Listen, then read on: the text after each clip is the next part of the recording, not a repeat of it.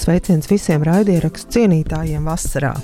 Ceru, ka visos vasaras piedāvātajos priekos un baudās tev būs laiks arī turpināt klausīties raidierakstus, un eh, ka tev vēl joprojām būs interesanti uzzināt ko jaunu par to, kas notiek raidierakstu pasaulē. Mani sauc Dārsa Kreira, un vairāk nekā gadu veidoju podkāstu par podkāstiem Raidnīca. Šajā reizē es esmu uzaicinājusi uz sarunu raidierakstu, kas domāts ir vecākiem. Sauc pirmās attiecības, un tajā tiek runāts par cilvēku attiecībām dzīves pašā pašā sākumā. To veido ģimenes psiholoģijas centrs Līna, un podkāstu vadītāja ir ģimenes psihoterapijas speciāliste Vita Kalniņa. Kad uzzināja par to, ka Vita ir izlēmusi veidot šādu raidierakstu, ļoti, ļoti priecājos. Jo man vienmēr sagādā prieku pamanīt raidierakstus, kurus veido eksperti savā jomās un dalās ar savām zināšanām un pieredzi un padara to pieejamu daudziem, jo daudziem, kuriem tas var noderēt. Par to, kā Vitai šāda ideja radās, jau pēc brīža mūsu sarunā, bet vispirms sākam ar kolēģa Andreja Siliņa sagatavotajiem jaunumiem raidierakstu pasaulē. Labdien, labrīt, labvakar! Raidnīcas ziņas atkal ir klāta. Podkāsti kļuvuši par kārdinošu reklāmas vietu, arī apšaubāmas ētikas un dažviet pasaulē arī nelegālajai uzņēmēji darbībai. Atklāti vairāk nekā 500 dažādu podkāstu, kuros fiksētas prostitūcijas reklāmas. Turklāt ļoti atklātas. Nevis kā ierastās reklāmas, kas izskan podkāstu laikā, bet gluži vienkārši kā satura vienības, kurās jau nosaukumos un aprakstos tiek reklamētas meitenes par naudu. Šajos podkāstos ir neīstas epizodes ar parastām skaņām, troksni vai mūziku, bet nosaukumos un aprakstos ir informācija par piedāvāto servisu. Mērķis ir pavisam vienkāršs, radot šos podkāstus, kuros teksta formātā ir dažādi atslēgas vārdi un saites uz interneta vietnēm, tiek uzlabota meklētāju programmu optimizācija un saņemti labāki Google meklētāju reitingi, kas savukārt ļauj reklāmai kļūt pamanāmākai. Podkāstu hostinga servisa RSS.com pārstāvis Alberto Betēla komentēja šo situāciju, norādot, ka šos podkāstus izveido īsti cilvēki, nevis roboti. Tāpēc ir sarežģīti šos podkāstus uzreiz identificēt un dzēst. Pārsvarā šie podkāsti tiekot izveidoti Indijas un Pakistānas teritorijās. Un fiksēts, ka arī podkāstu straumēšanas servisi strādā pie tā, lai šie šovi neparādītos to meklētājos. Citai lielai podkāstu hostinga kompānijai Megafone pagājušo nedēļu uz vairāk nekā 9 stundām pārstāja darboties serveri. Un pēc podņūza aprēķiniem šīs aptuveni darba dienas ilgumā zaudētais laiks neļāva kompānijai nopelnīt nepilnus 600 tūkstošus dolāru. Servis Audiolabs piedāvā jaunu pakalpojumu. Twitter Spaces vidē ierakstītās dzīvās audio sarunas konvertēt un publicēt kā YouTube video. Ja Twitter Spaces vidē ierakstītās sarunas pazūd no arhīva pēc 30 dienām, tad YouTube tās saglabājas uz visiem laikiem. Tiesa, arī pats Twitter šobrīd turpina attīstīt Spaces produktu, un plānots, ka drīzumā arhīva funkcija varētu vairs netikt ierobežota līdz 30 dienām. Kārtējais milzu darījums noticis Holivudā. Kompānija SiriusXM iegādājusies podkāstu producentu kompāniju Team Coco, kas veido populāro slavenā komiķa un TV šovu vadītāja Konana O'Briena podkāstu Conan O'Brien Needs a Friend. The Wall Street Journal vēstīja, ka darījuma kopsumma sasniedzot 150 miljonus dolāru. Losandželosā 72. reizi notikusi Golden Mike Awards apbalvošanas ceremonija, un starp balvu ieguvējiem ir arī divi podkāsti. 9-11, Two Decades Later, jeb 11. septembris pēc divām desmitgadēm, kā arī The Death and Life of Kobe Bryant, jeb basketbolists Kobe Bryant dzīve un nāve. Tikmēr Silvertelī balvu saņēmis izmeklējošais žurnālists Roberts Riks par televīzijas adaptāciju savam podkāsta True Crime Reporter stāstam Free to Kill. Kamēr Latvijā, tuvojoties vēlēšanām, īpaši uzmanīts tiek arī politiskās reklāmas un to pielietojums tikai atļautajās normās un atļautajos paņēmienos, Spotify atkal ļaus savā servisā izvietot politiska rakstura reklāmas. Tomēr vairs ne mūzikas servisā, bet tikai un vienīgi podkāstu servisā. No Latvijas gan izvietot reklāmas Spotify lietotnē nav iespējams pašam satura radītājam, kā to var paveikt lielajos tirgos. Un Latvijā Spotify reklāmas jāizvieto caur aģentūru, kas ir oficiālais Spotify sadarbības partneris Baltijas reģionā. Bet, ja vēlaties klausīties saturu bez reklāmām, tad īstā vieta tam ir Latvijas radio mobilā lietotne. Paldies, ka klausījāties! Šīs bija podkāstu pasaules ziņas, bet mēs ar jums tiekamies jau nākamreiz.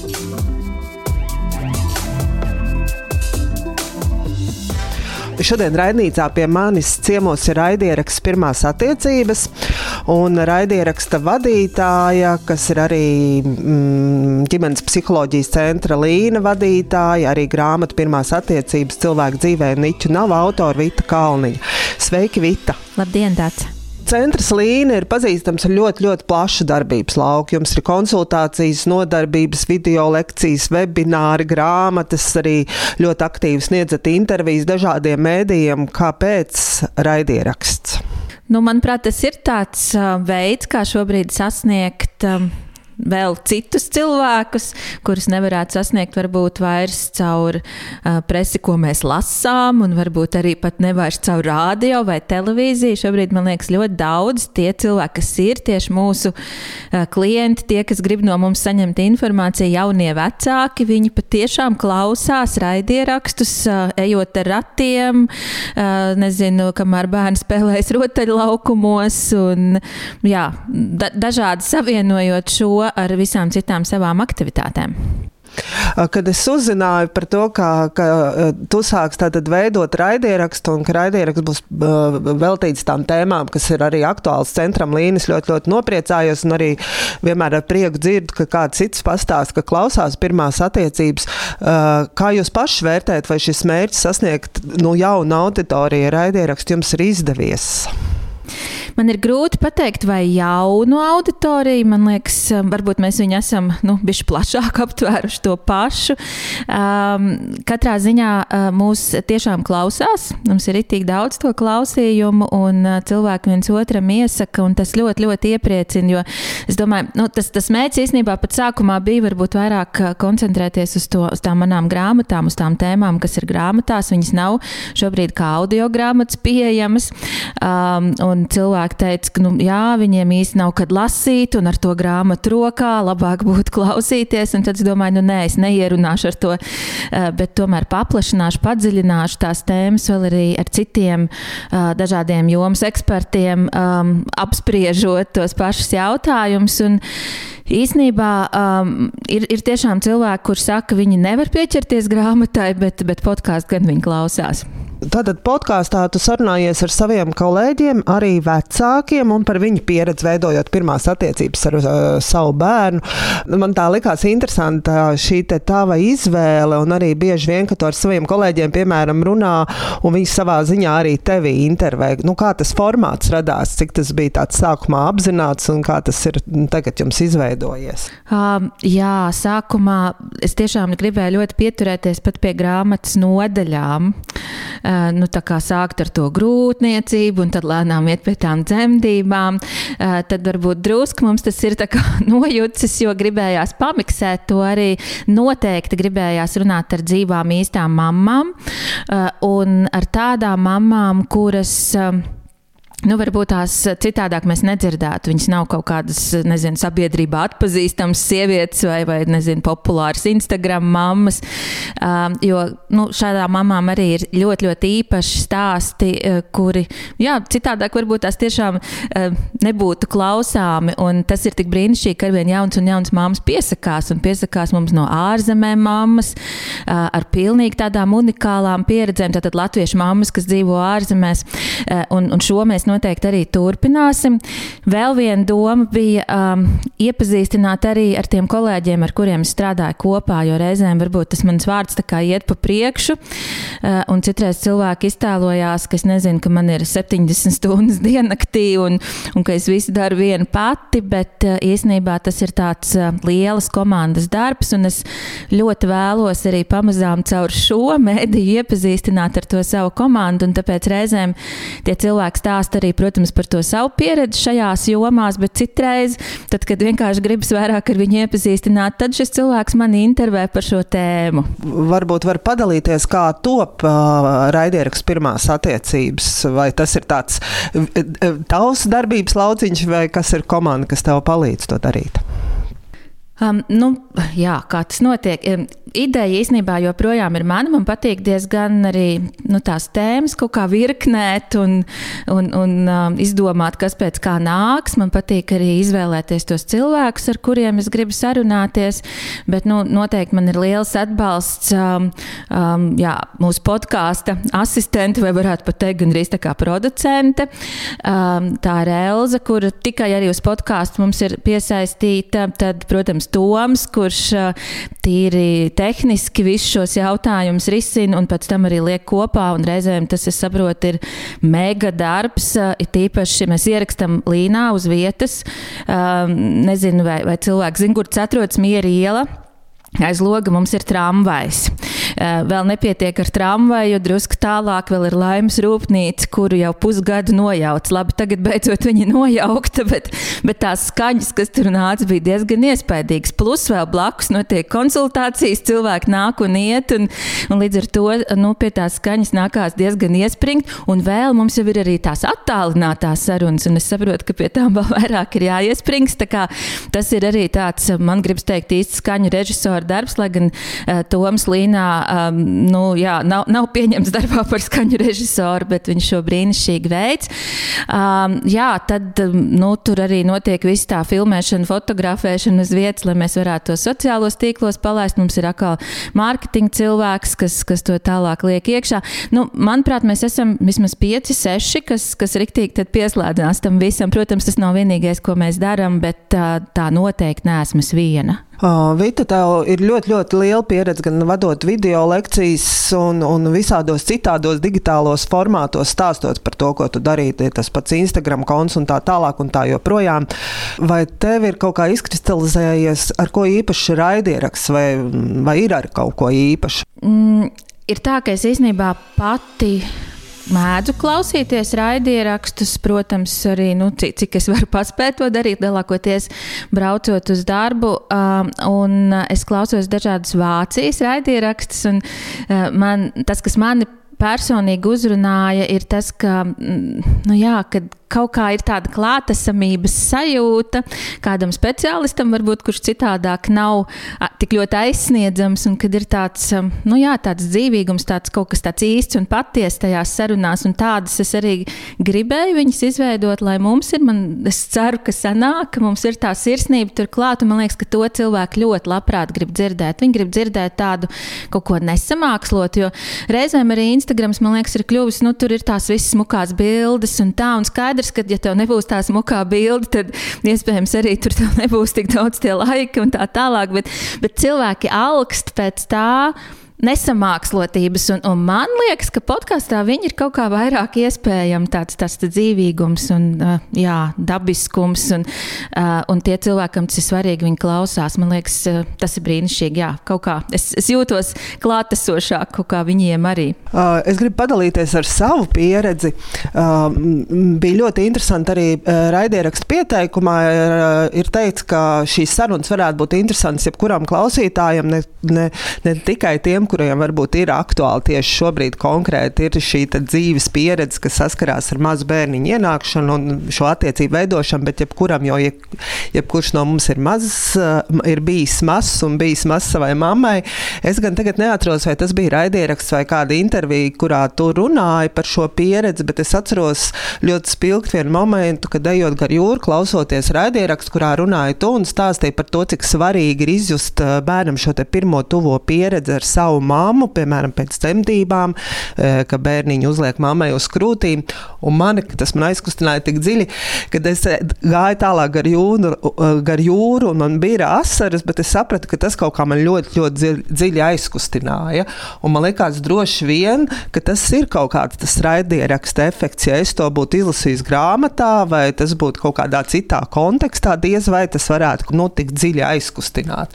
Bet kaut kā tieši konkrētā vieta un uh, klausoties tavā stāstījumā, mani tas aizkustināja. Es domāju, ka tas ir tikai iespējams pateicoties no tieši šim raidierakstu formātam. Vai tev ir kaut kāds, nezinu, tam skaidrojums? Es pirmkārt ļoti, ļoti priecājos, ka man ir izdevies aizkustināt, jo es, tas, tas, ko es tiešām cenšos, es, es cenšos darīt to no sirds. Man liekas, tad, ja mēs paši esam tādā patiesā sirds kontaktā, tad, kad mēs runājam, vai arī tad, kad mēs rakstam, tad tas, tādā, nu, tad tas skar arī tā cilvēka sirdi, kurš to dzird vai kurš to lasa. Es nezinu, vai, vai tiešām ir tā, ka uzrakstot tas tik ļoti neskartu. Es domāju, ka iespējams skartu vienkārši, ka mēs esam daudz steidzīgāki vecāki. Mēs iesākam lasīt desmit grāmatas reizē, un pametam pusratā, un, un, un mēģinam lasīt pa diagonāli, un lasīt virsrakstu tikai, jo mēs gribam uztvert ļoti daudz informācijas. Ja mēs lasītu, varbūt katru grāmatu patiešām no vāka līdz vākam veltīt tam laiku un ļautu tai, tam tekstam ar sevi nu, kaut ko vairāk izdarīt, es, es ticu, ka tas arī notiktu, bet man liekas, tas ir tāds mūsu laika, um, nu, jā, tāds raksturs šobrīd ātrāk um, dabūt arī to sajūtu. Un, un tādā ziņā, ja es gribu ātrāk, tad raidieraksts man liekas ir tas uh, nu, īstais ceļš, kā to izdarīt. Jā. Vai, vai tu esi dzirdējis eh, kādus pieredzes stāstus? Es saprotu, ka jā, raidieraksts interesē jaunos vecākus, bet vai tev arī ir bijuši jau kādas atsauksmes arī par, par tiem, uh, kuri nav šobrīd ar šo, te, šo te dzīves jomu nesaskarās, bet kas ir es pie, pieaugušie, kas šajā podkāstā saklaus kaut ko tādu, kas viņos dziļi atsaucās no viņa paša bērnības? Jā, zini, kā tā, tā, ka man būtu kāds cilvēks rakstījis, kas nav jaunais vecāks un to atsauksmi tieši man sniedz, tā īsti nav. Uh, bet tas, ko es esmu sapratusi, ka uh, caur podkāstu es noteikti aizsniedzu vairāk arī um, vīriešus vai jaunos tētus, jo viņi patiešām retāk lasa. Um, un, un, un ir priecīgi, ka, ka viņi var noklausīties kaut ko. Um, Un, nu, jā, es esmu arī dzirdējis kādas atsauksmes no dažām vecmāmiņām, kuras varbūt um, nu, kaut kā ir, ir vai nu, nezinu, pašas interesējušās, vai kāds, kāds ir palūdzis no, no bērniem kaut ko paklausīties. Bet, uh, um, tieši cilvēks, kuram nav saistība ar bērniem, es to nezinu. Tas būtu interesanti. Gan jau kāds varētu arī uzrakstīt un padalīties. Bet um, cilvēki lielākoties tos labos vārdus tiešām saka, uzsaucot tās kafijas. Tas arī ir tik interesanti interesanti. Mēs pielikām klāt to iespēju uzsaukt mums kafiju, jo tas ir, nu, jā, tas ir darbs, ko mēs darām bez maksas, kas tomēr arī ir diezgan liels uh, laika, laika patēriņš. Un, un, un, um, uh, mēs tiešām cenšamies to darīt tā kvalitatīvi un forši. Katru otro nedēļu iznāk jauna epizode, kas ir diezgan intensīvi. Tiešām tāda, nu, jā, ar, ar to laiku ir jārēķinās mūsu ikdienā. Un tad cilvēki uzsauc mums tās kafijas, un tad uzsaucot tās kafijas, viņi pierakst klāt, cik viņi pat pateicīgi par to, un ka viņiem tas ir kaut ko iedevis. Bet kas ir viņi, vai viņi saistīti ar bērniem vai nē, to es diemžēl nezinu pieminēju šo kafijas uzsaukšanu. Es tieši klausoties arī jūsu veidoto raidierakstu, domāju par to, cik ļoti vērtīgi, ka Latvijā raidieraksts veido savus jomas eksperti. Nav nemaz tik daudz tādu raidierakstu, un es priecājos par katru no tiem. Un arī kā eksperta zināšanas, protams, ir vērtīgas, un līdz ar to arī veidojas uzticēšanās raidierakstam. Bet kāpēc, piemēram, jums bija tāda uzreiz, varbūt, varbūt tas nebija uzreiz, ka jā, raidieraksts ir bez maksas. Varbūt bija, ir un varbūt ir bijusi doma, ka raidieraksts arī varētu tātad, piedāvāt cilvēkiem par kaut kādu samaksu. Īsnībā teikšu, godīgi, mums nav bijusi doma piedāvāt raidierakstu par samaksu. Man liekas, ka mums ir daudz visvisādi pakalpojumi, kas ir par samaksu, video lekcijas, tā skaitā, un, un, un grupu nodarbības konsultācijas un tā tālāk. Šis varbūt ir, nezinu, kaut kāds tas ieguldījums, tas, ko man gribās, lai sabiedrība saņem no manis um, vienkārši tāpat, ja viņi gatavi ņem pretī, jo uh, tas, nu, kāpēc es vispār strādāju un kāpēc vispār ir Līna. Līnai šogad mēs svinējām 19 gadu jubileju, jo centrs Līna um, tāds nu, tiešām uzņēmums jau ar stāžu, riktīgi izaudzis tas mans bērns. Un tad tā atbild uz to, kāpēc vienmēr ir bijusi padarīt Latviju par tādu labāku un iejūtīgāku vietu. Un, uh, es domāju, ka ir, ir jāatrod ar vien jauni veidi, kā to izdarīt arī bez maksas vai, vai pa kaut kādu simbolisku samaksu. Un tāpat tas nāk atpakaļ, tāpat tā cilvēka pateicība un tas prieks, eh, tas, tas vienmēr nāks atpakaļ. Un, um, jā, līdz ar to es, es priecājos vienkārši dot par ekspertu iesaisti savu raidierakstu veidošanā. Es gribēju pajautāt, jo es esmu runājis gan ar raidierakstu vadītājiem, gan klausītājiem, kur atzīst, nu, ka tieši šādi raidieraksti noteikti būtu pieprasīti un klausīti, eh, kad kādus jomas pārstāvus eksperts eh, runātu, stāstītu par šīs konkrētās jomas kaut kādām lietām, un tad tiem, kuriem tas interesē, klausītos.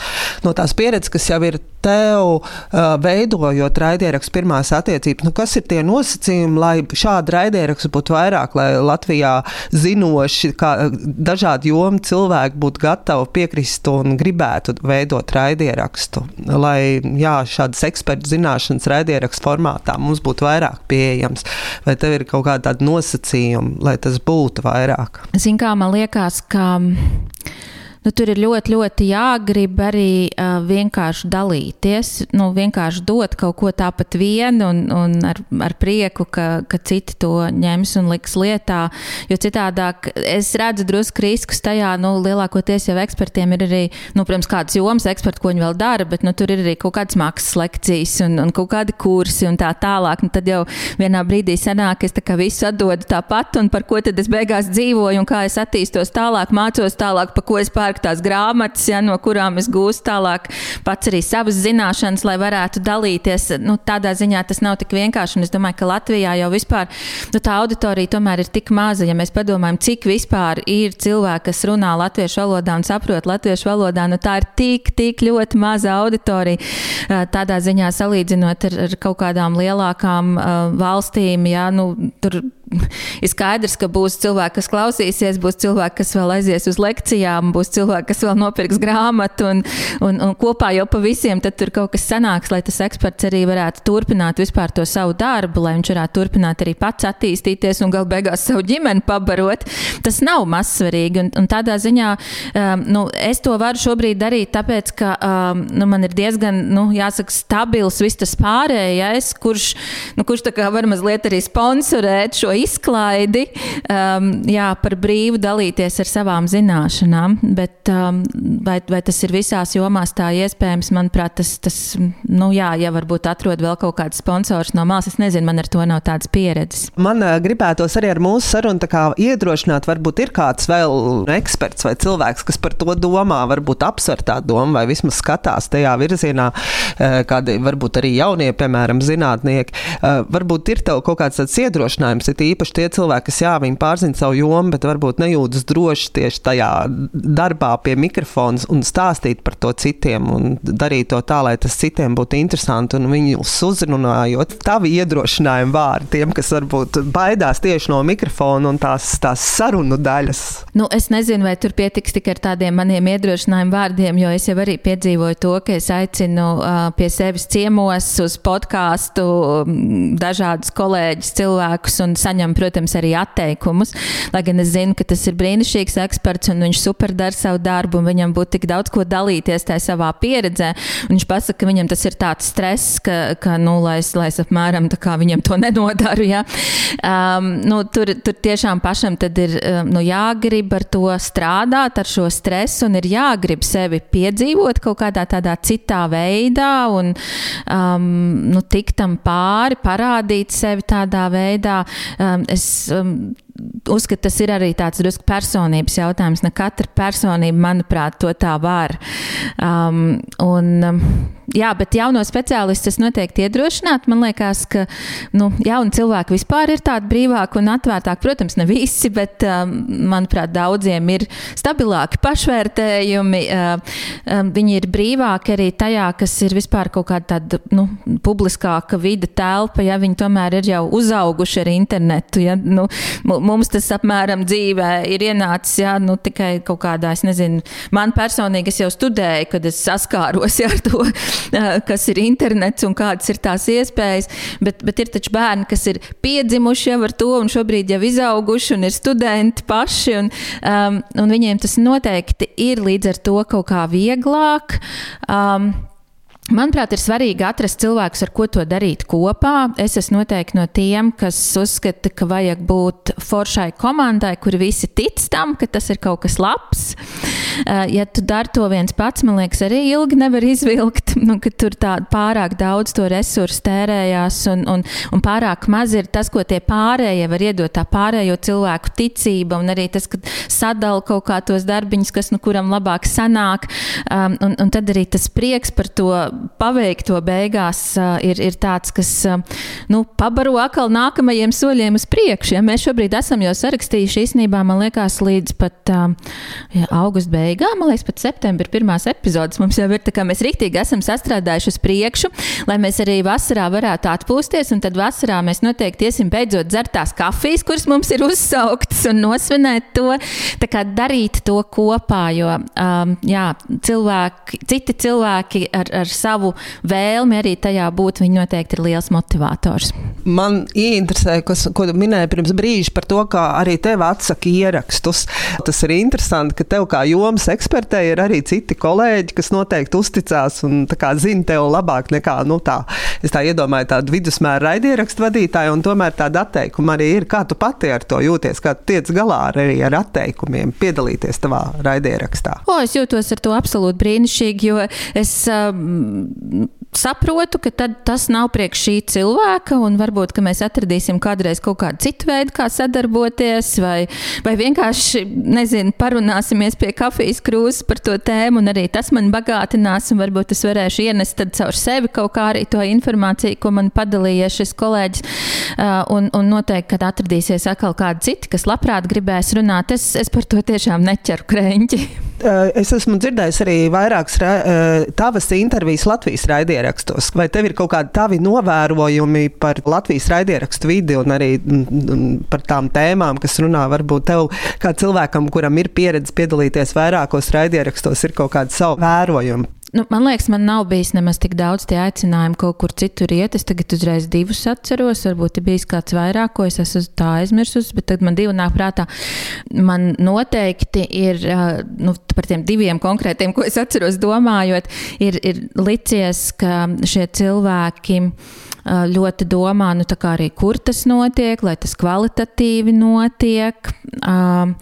Viņi ir ļoti gatavojušies, viņi ir iedziļinājušies tajā, kas ir tas sarunas dalībnieks, jā, ko viņš dara, ko viņš nedara, izlasījuši kaut ko, noklausījušies kaut ko tādu priekšdarbu, man liekas, ir diezgan daudz veikti. Un, un par to, protams, tāda milzu cieņa un pateicība.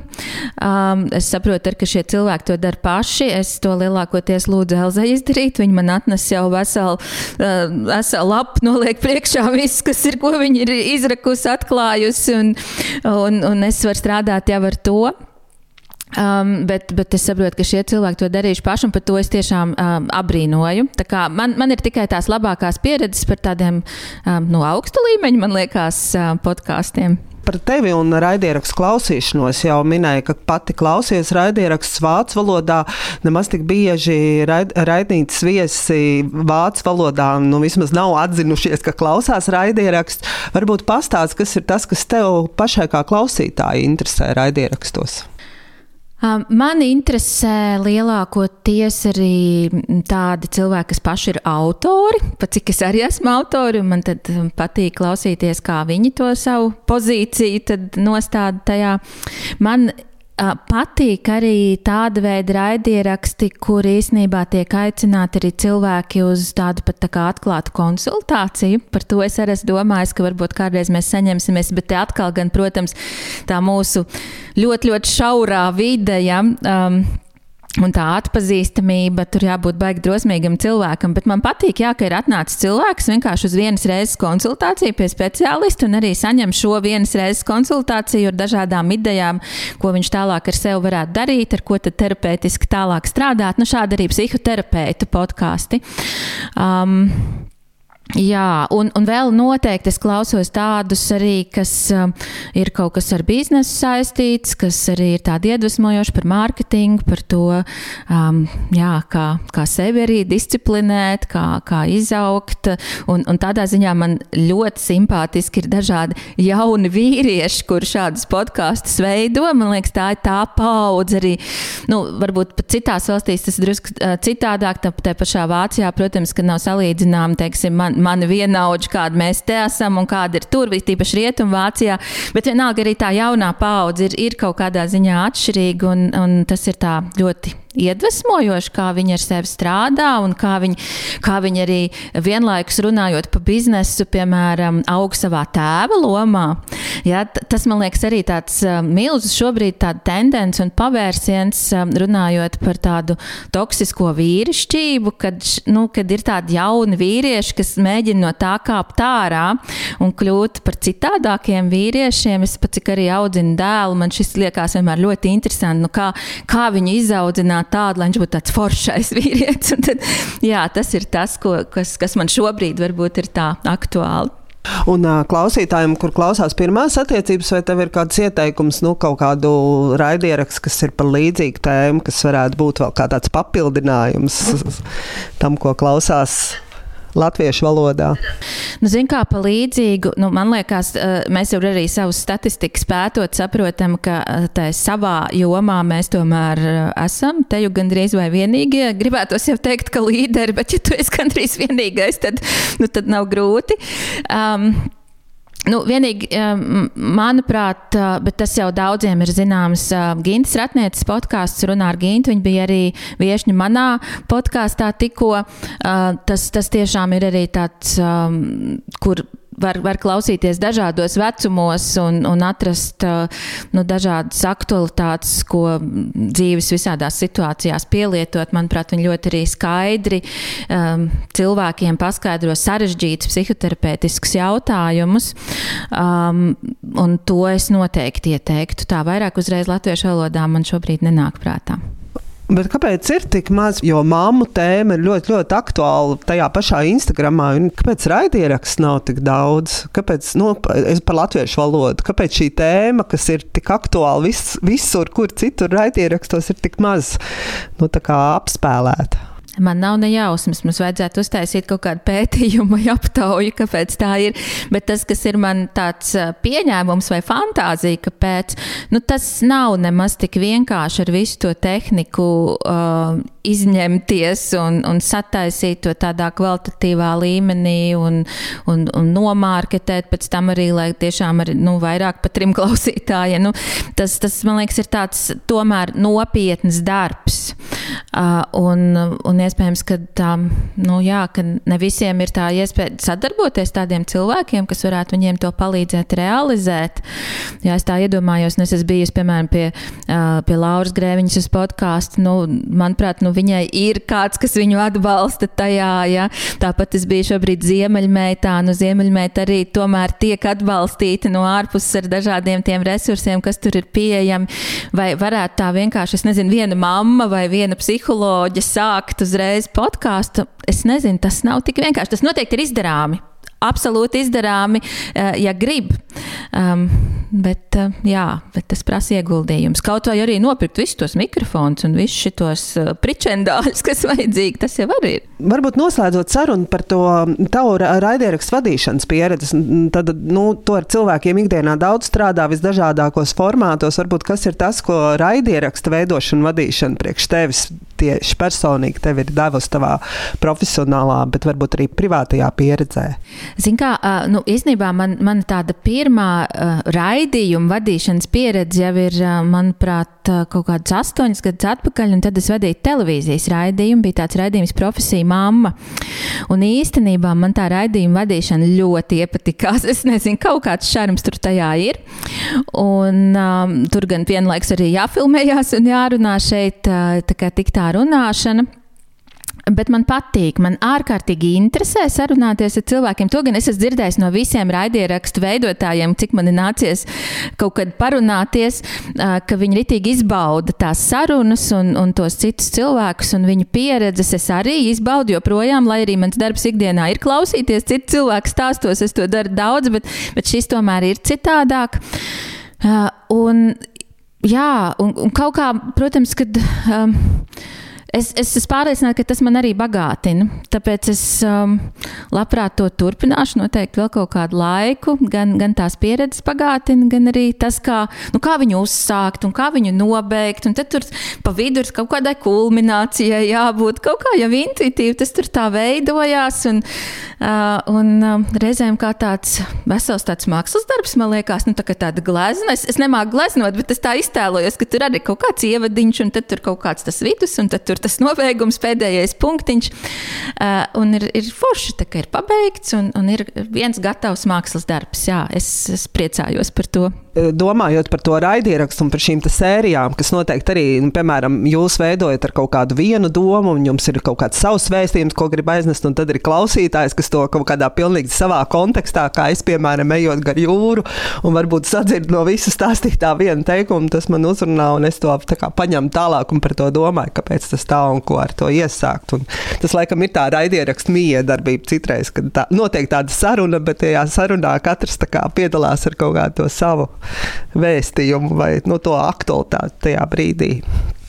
Jā, mēs nekad to nevaram ietekmēt un nokontrolēt. Un es īstenībā arī tā baigi ļaujos. Es, es palaidu to epizodi, un tad es patiešām uzticos, ka katrs ar viņu iesāks to, kas viņam ir jāiesāk. Katrs dzirdēs to vietu, kas viņam ir jādzird, un katrs attīstīs to domu tālāk, kur viņš grib attīstīt. Nu, tad es sapratu, ka jau līdz septembrim epizodes ir ierakstīts, tad kā vasarā, vasarā arī varēs, varēs turpināt klausīties pirmās attiecības. Jums ir arī jau kādi kād, e, radošie plāni par tālāko, ko un kā e, darboties. Jā, nu, zin kā, šobrīd ir doma, ka mēs. Um, Nu, droši vien varētu iziet cauri tagad tās pirmās grāmatas tēmām. Mēs vēl esam vairāk vai mazāk tajā pirmajā grāmatā, tātad pirmajās attiecībās.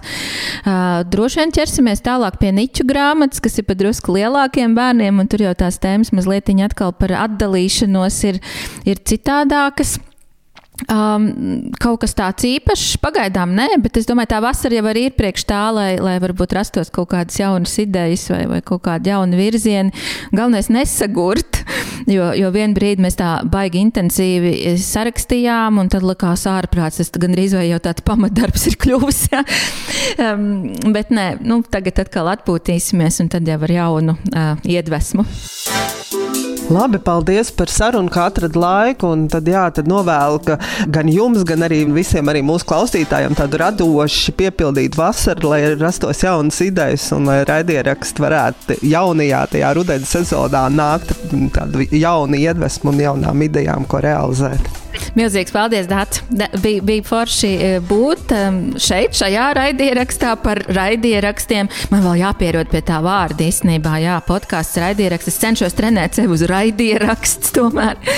Un jā, paldies par tiem novēlējumiem. Un es ceru, ka varbūt kāds kādu iedvesmu rada gan klausīties, gan varbūt veidot savējo, jo tas ir tāds instruments, jā, kas šobrīd diezgan daudz cilvēku var sasniegt.